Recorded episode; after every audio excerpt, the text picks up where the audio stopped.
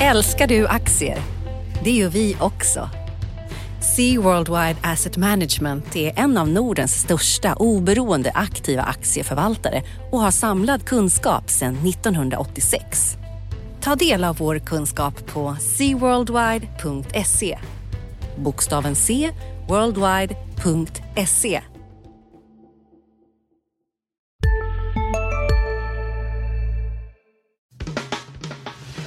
Analyspodden från Dagens Industri. Hej och välkommen till Analyspodden. Eh, det är torsdag den 4 november och bakom micken står jag, Johan Wendel, reporter och analytiker på DI och med mig har jag Ulf Pettersson, också analytiker på DI. Välkommen Ulf! Tack ska du ha Johan, tack! Och eh, bara så ni vet det, vi spelar in det här efter börsstängning på torsdag. här. Klockan är sex eh, på, på kvällen får man väl ändå säga. Eh, så ni vet vad vi vet ungefär. Och eh, vi ska ju snacka om lite, lite allt möjligt, men det blir fokus på börsen. Och jag tänkte vi kanske ska börja med just börsen i allmänhet. För det, det, är en himla styrka här på börsen. Den har stängt upp 1 procent här på torsdagen efter eh, to, eh, onsdagens Fed-besked där de då annonserade en så kallad tapering, det vill säga minskning av tillgångsköpen. Och eh, även amerikanska börserna går starkt, eller hur Uffe? Ja, så är det. Det är en eh, fantastisk utveckling vi har haft här. Vi hade ju en ganska stökig september. Eh, första månaden i Stockholm då, som vi var ner på 11 månader, backade till och med 7 procent i september, men sen i oktober och eh, början av november har det gått betydligt bättre. Nasdaq, eh, som sagt var, nu är det torsdag kväll här, men om vi stänger som, vi, som det ser ut nu då så är det nionde dagen i rad med uppgång på, på eh, Nasdaq. Eh, 15 av 17 dagar har Nasdaq stigit och eh, även Stockholm och, och S&P 500, det bredare index i USA, ser ungefär likadant ut. Så det är en jättestark börs och eh, man kan ju fundera varför det har blivit så. Tycker jag vi ska prata om i den här podden, men jag skulle säga att rapportperioden har, har stimulerat det här, men även hur Fed agerat eh, och sådär. Så, så det är eh, inne i en stark, riktigt stark trend just nu. Ja men verkligen och, och, bara på skoj så kollar jag lite så här vilka, vilka aktier i, om vi kollar OMX30 då, det vill säga storbolagsindex, eh, de 30 mest omsatta aktierna på Stockholmsbörsen. Så eh, om vi tar de fem bästa här aktierna i år så har vi Getinge, Evolution, Alfa, Alfa eh, SCB och Kinnevik. Det, det, är ju lite blandade kort där liksom. Ja, det går inte att hitta någon likhet mellan någon av dem där. Det, så är det. Och tittar man, så att säga, om man breddar ut det lite grann så har vi haft bankerna har ju gått oerhört starkt i år. Jag kan inte minnas när bankerna steg så mycket som de har gjort i år. Eh, teknik, eller vad säger teknik, men tillväxtbolagen har ju generellt sett gått också fantastiskt. Ehm, och eh, ja, och sen så har vi verkstad som också har vänt upp. Så det är en jättebred uppgång och för att inte tala om oljesektorn som är, som är liksom eh, är den absoluta vinnaren i, eh, i omvärlden i alla fall. Vi har inte så mycket oljebolag på börsen egentligen, men, eller det har vi ju, men inte så den väger i index. Ehm, så det är, det är faktiskt en bred uppgång och det är väl det du, det är det du visar med fem, fem som är så bra. Ja, men precis. Och, och, som du var inne på, där, rapportperioden har gett lite styrka till den här äh, uppgången. Det har varit fina siffror från flera bolag här. Uh, och en, en sak som vi har hållit utkik såklart uh, efter i rapporterna är vad säger eh, bolagen om komponentbristerna? Jag gjorde en liten djupdykning i början av veckan, kikade igenom biltillverkarnas conf calls och eh, se vad de säger om eh, halvledarbristen. Och eh, Q3 var ju väldigt jobbig för de flesta bolag, liksom Q2. Men man börjar ana en liksom vändning där, att det värsta kanske är över. Men med brasklappen då, då att det kan svänga fort och liksom beskeden man får från halvledartillverkarna erkänner bland, eh, några av vdarna där och finanscheferna på de här bilbolagen att de är inte alltid tillförlitliga. Uh, vad, vad, är din main takeaway från rapportperioden här? Ulf, du är kanske den som har läst flest rapporter av alla.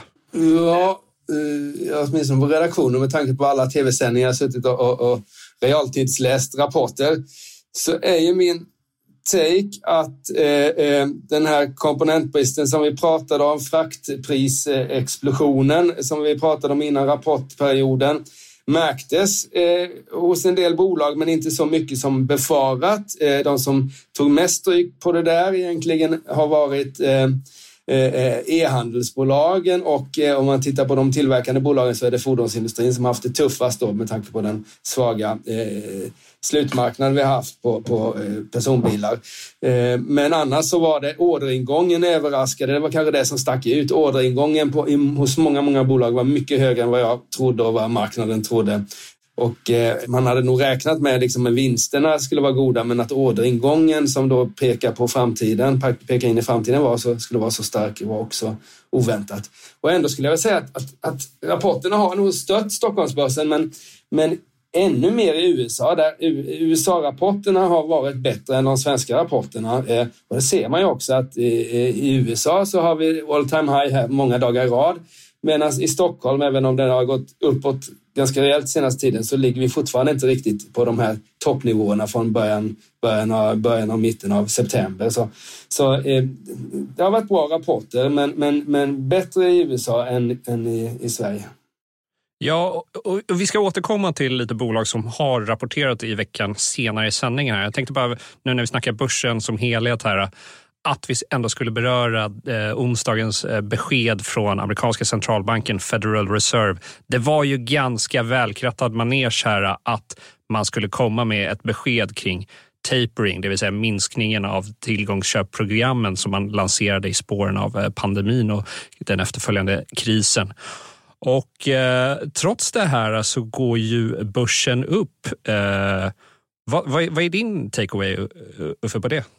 Ett par dagars börsrörelse kanske man ska inte övertolka det, men, men så här ser jag det. Som anledning att börsen stiger som den gör idag, torsdag, igår, onsdag och även tidigare dagar, det är att man fortfarande, marknaden vet fortfarande att man kan kolla, hålla Fed i handen.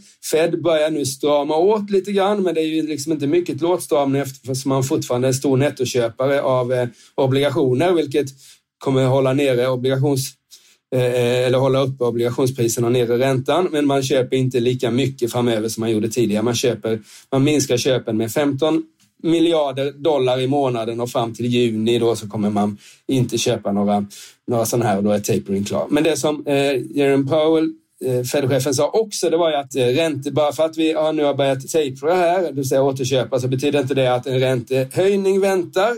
Och marknaden har ändå liksom börjat prisa in en höjning 2022, men Jerome Powell vill inte alls prata om det. Och han sa också tydligt att att vi så att säga, skulle någonting hända så kan det förändras. Det vill säga om, om vi skulle få eh, ytterligare en variant av coronapandemin som tycks liksom blossa upp nu i Europa i alla fall så kan de mycket väl liksom, så att säga, sluta med sin tapering. Så, så marknaden känner sig ganska trygg i att det är inte Fed som kommer så att säga ta bort bollskålen som man brukar säga. Det är inte Fed som, som, som sänker det här börshumöret och man ser ju faktiskt nu på ränte, långräntan i USA är hur den faktiskt börjar backa nu. Och det, jag tycker den amerikanska långräntan borde vi prata om för den, den har faktiskt, om man, om man kommer ihåg lite hur den har rört sig i år, så, så, så från januari till mars så steg den amerikanska långräntan kraftigt faktiskt från 1 procent upp till 1,70 vilket gjorde att den amerikanska börsen inte gick alls bra första kvartalet. Stockholm gick bra. Och sen så när räntefallet eh, bedarrade, eh, inte slutade och vi till och med fick en rejäl nedgång här under sommaren på amerikanska långräntor. Det var ju då vi fick fart på börsen i, i USA. Eh, och nu, nu när räntorna ser ut att återigen då vända ner lite grann ner mot 1,50 på tioåringen så, så är det väldigt stimulerande för börsen. För vi har ju välja på egentligen två saker. Vi har att välja på obligationer och vi har att välja på aktier. Och sen kan man ju säga köpa kryptovalutor och sånt där som vår högt värderade eh, kollega Gabriel Mellqvist håller på med. Men, men för liksom, ska vi säga oss som, som har fötterna på jorden så är det oftast eh, obligationer eller aktier som är valet och då är fortfarande aktier i synnerhet så länge vinsterna stiger, att föredra. Och det som ska liksom, om det inte är Fed som sätter stopp för det här så är det någonting annat. Det kan vara värderingen att vi får en bubbla, det är väldigt högt värderat, men, men jag tror inte det, utan det är vinsttrenden som man får gå på. Den är så att säga stigande, var stigande under Q3, kommer säkert förbli stigande under Q4 också. Då ser det faktiskt ganska bra ut för börsen, även om man tycker att den har gått väldigt mycket både i närtid och på ett års sikt. Två. Ja, men precis. Och jag lyssnade in lite på eh, Federal Reserves eh, presskonferens då med Jay Powell, eh, ordföranden för kommittén där igår medan jag lagade lite käk. Och bara noterade att... Du hade det var Powell lite... som middagsgäst helt enkelt. Ja, exakt. Det var ett fin, fin besök. Eh, men eh, och det, om man lyssnade in lite på hans på frågestunden där så tyckte jag ändå han erkände lite att för te, liksom, budskapet från Fed har ju varit att eh, uppgången i inflation vi ser är driven av liksom störningar i försörjningskedjan och på utbudssidan och det är övergående. Men han, han erkände igår att i alla fall som jag tolkar det, att det kanske finns andra vissa faktorer på liksom efterfrågesidan som också driver upp inflationen. Och det där är ju spännande för eh, jag tror all, jag, jag tycker i alla fall att om, om det är liksom störningar på utbud, eh, utbudssidan och vi har pratat om halvledarbrist och så vidare som driver på inflation eh, och det tar ju tid att bygga en ny halvledarfabrik. Det är inget man gör det i en handvändning. Liksom.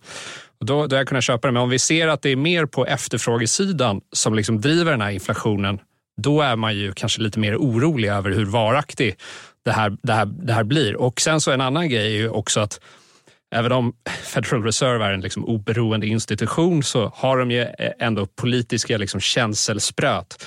Och eh, vi får ju se här om Jay Powell blir eh, fortsatt Fed-chef. Men det är ju också en knepighet i liksom USA då när man ser priserna gå upp så mycket. Och de vill ju tillbaka till, Fed vill ju tillbaka till någon sorts eh, som allra minst det som rådde i februari 2020 innan pandemin bröt ut när det var arbetslöshet under 4 procent och så vidare. Och det där kanske blir knepigt i en värld där liksom priserna går upp så mycket att eh, de som redan har ett jobb blir för arga.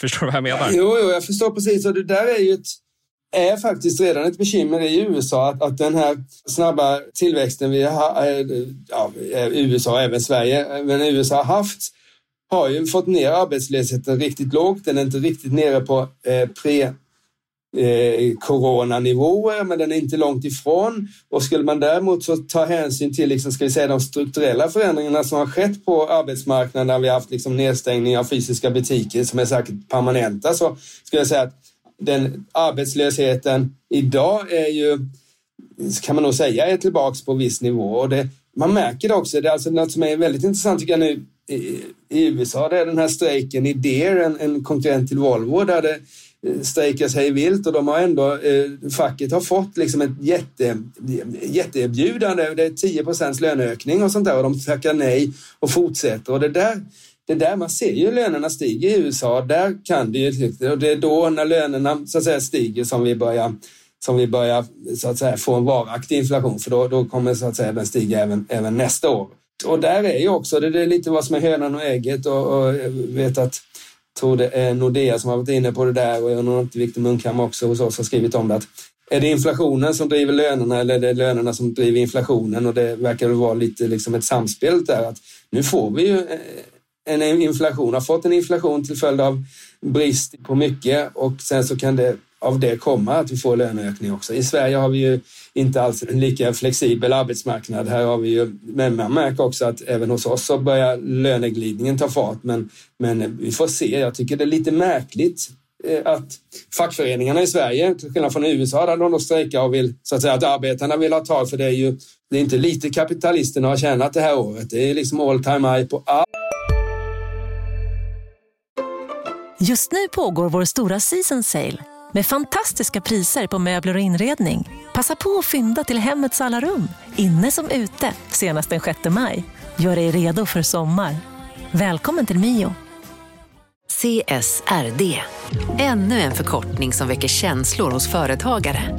Men lugn, våra rådgivare här på PWC har koll på det som din verksamhet berörs av.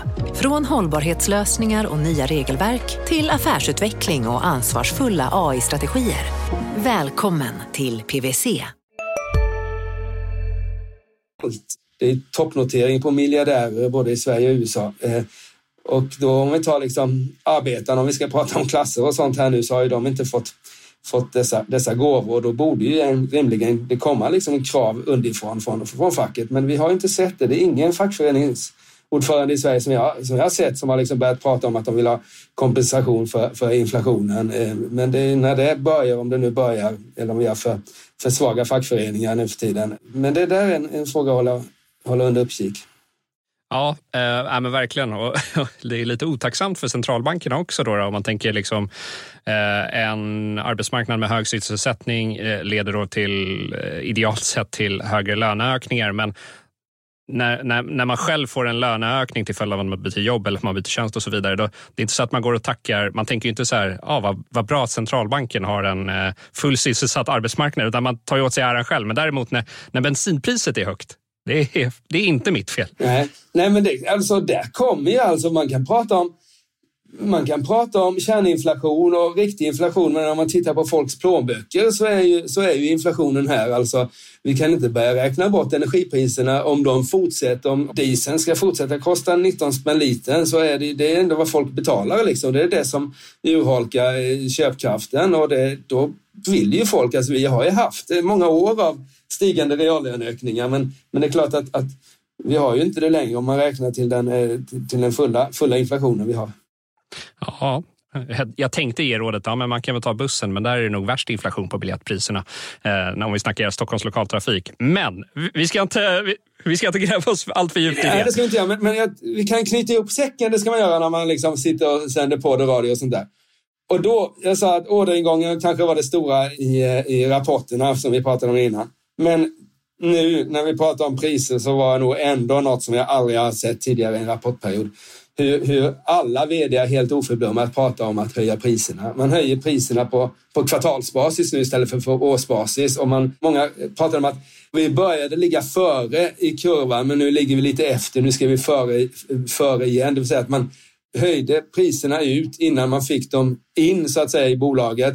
Eh, och nu, sen, så, sen så tappade man lite fart i prishöjningståget och nu ska man ikapp igen. Så det där, och det har man ju sett på producentpriserna också runt om i världen. De är tvåsiffrigt upp och det där. Det ska bli väldigt spännande att se hur inflationen utvecklas. Den har ju varit väldigt, väldigt låg till följd av att vi jämför ett år tillbaks och då för i mars, april förra året så hade vi ju liksom deflation till följd av pandemin. Men nu har det faktiskt gått. Nu är vi inne i, i november här och så, så, så, så det, det, det, har bitit sig fast på ett annat sätt tycker jag än, än, än vad folk förväntade sig. Ja, men verkligen. Och, och vår kollega eh, Rickard Bråsa har ju skrivit det här om pricing power, hur viktigt det är. Och jag bara tänkte, liksom, apropå Hemnets rapport här som kom på torsdagen. Eh, genomsnittliga intäkten per publicerat objekt växte med 53,7 eh, procent under kvartalet. Eh, det är rätt schysst utveckling. Nu vet jag inte om de ingår i eh, KPI-statistiken, men gjorde de det så borde de få ett, ett, ett genomslag på månadsstatistiken i alla fall. Ja, vi får ringa SCB e efter sändningens slut. Ett eh, OMXS30-bolag har kommit med en uppmärksammad rapport här i veckan. Sinch föll närmare 20 procent på sin rapport i veckan. Ulf, du har skrivit om dem tidigare, du har skrivit om dem i veckan. Vad var det som gav marknaden skrämselhicka där? Ett antal faktorer. Dels så var inte vinstökningstakten lika bra som den, den, den har varit. Eh, men framför allt, om man tittar på vinsten i förhållande till antalet aktier så ökade den bara med 3 procent senaste kvartalet och jämfört med sekventiellt med Q2 så var det ner. Och det är ju att de har tryckt så väldigt mycket aktier här senaste året eh, till följd av alla förvärv. Förvärven har inte riktigt räknats in än, men, men aktierna finns på plats.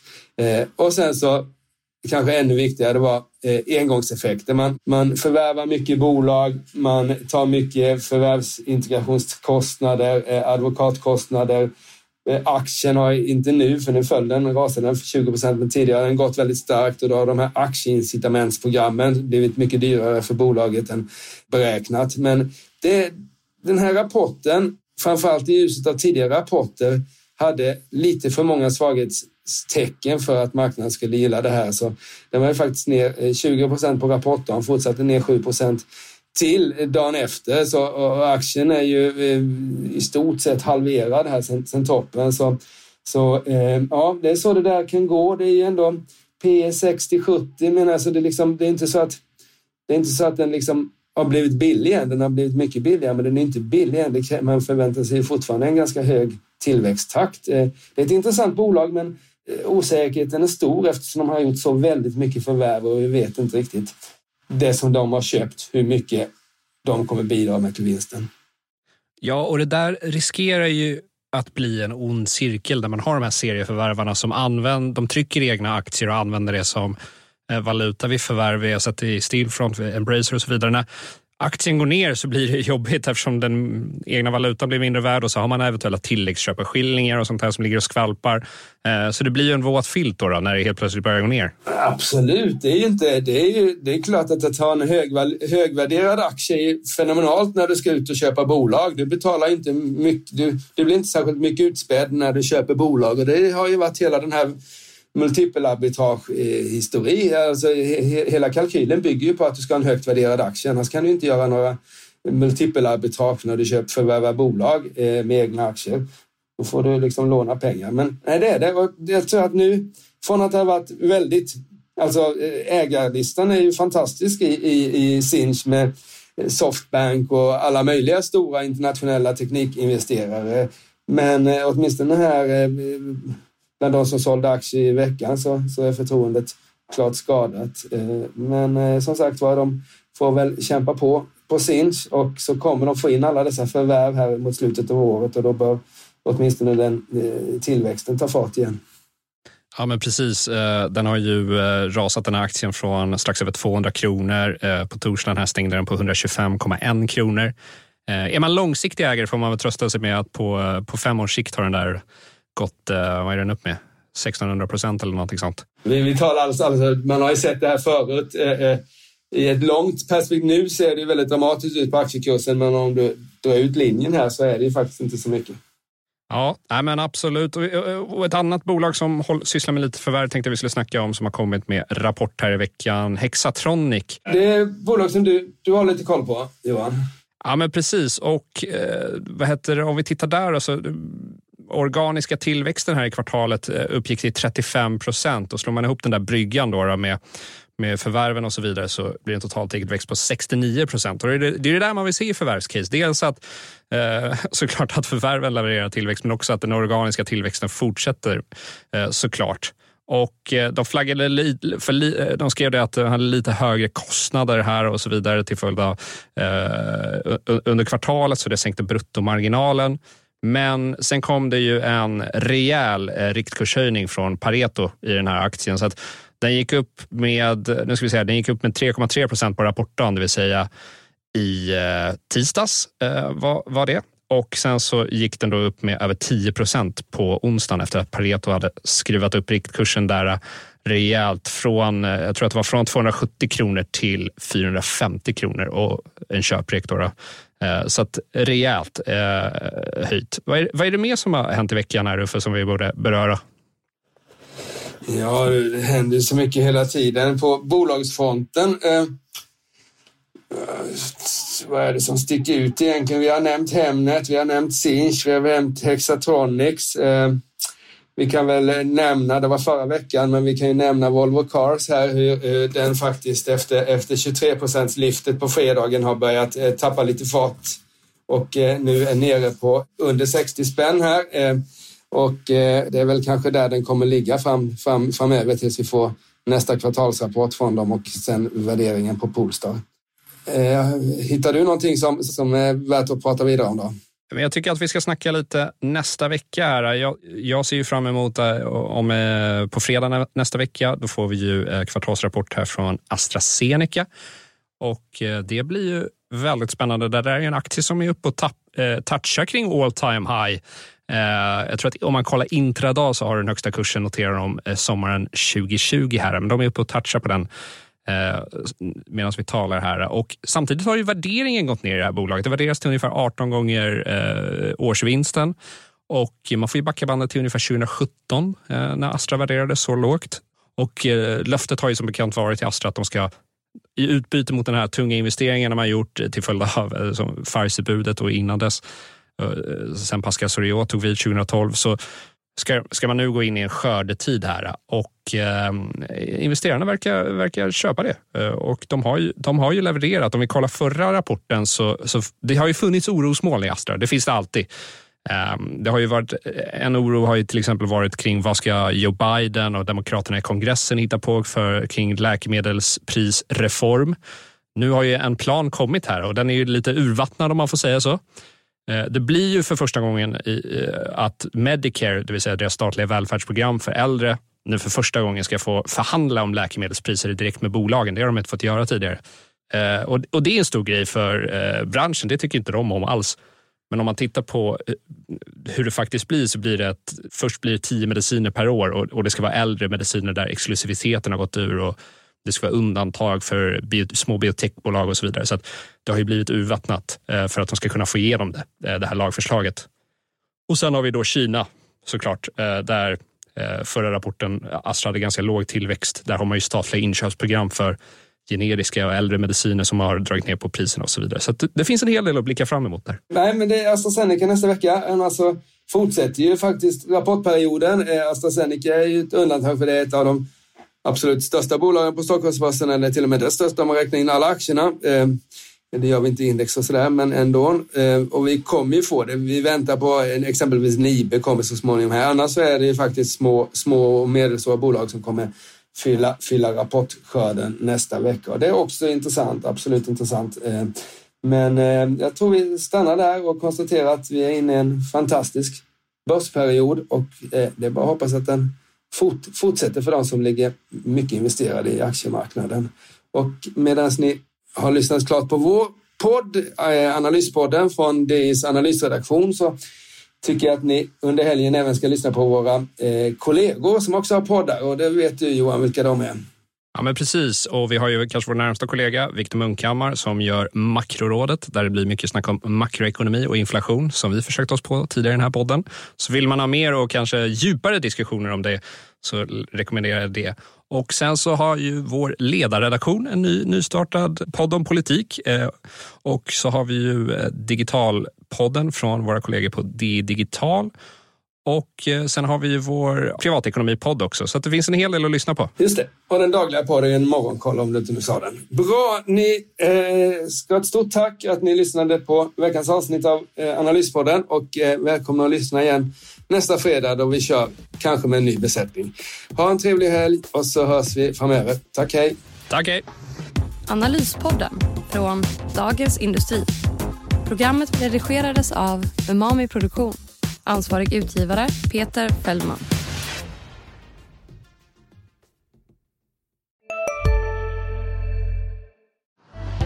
Älskar du aktier?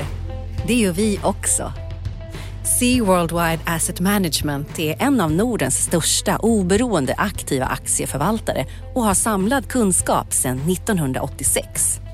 Ta del av vår kunskap på seaworldwide.se. Bokstaven C worldwide.se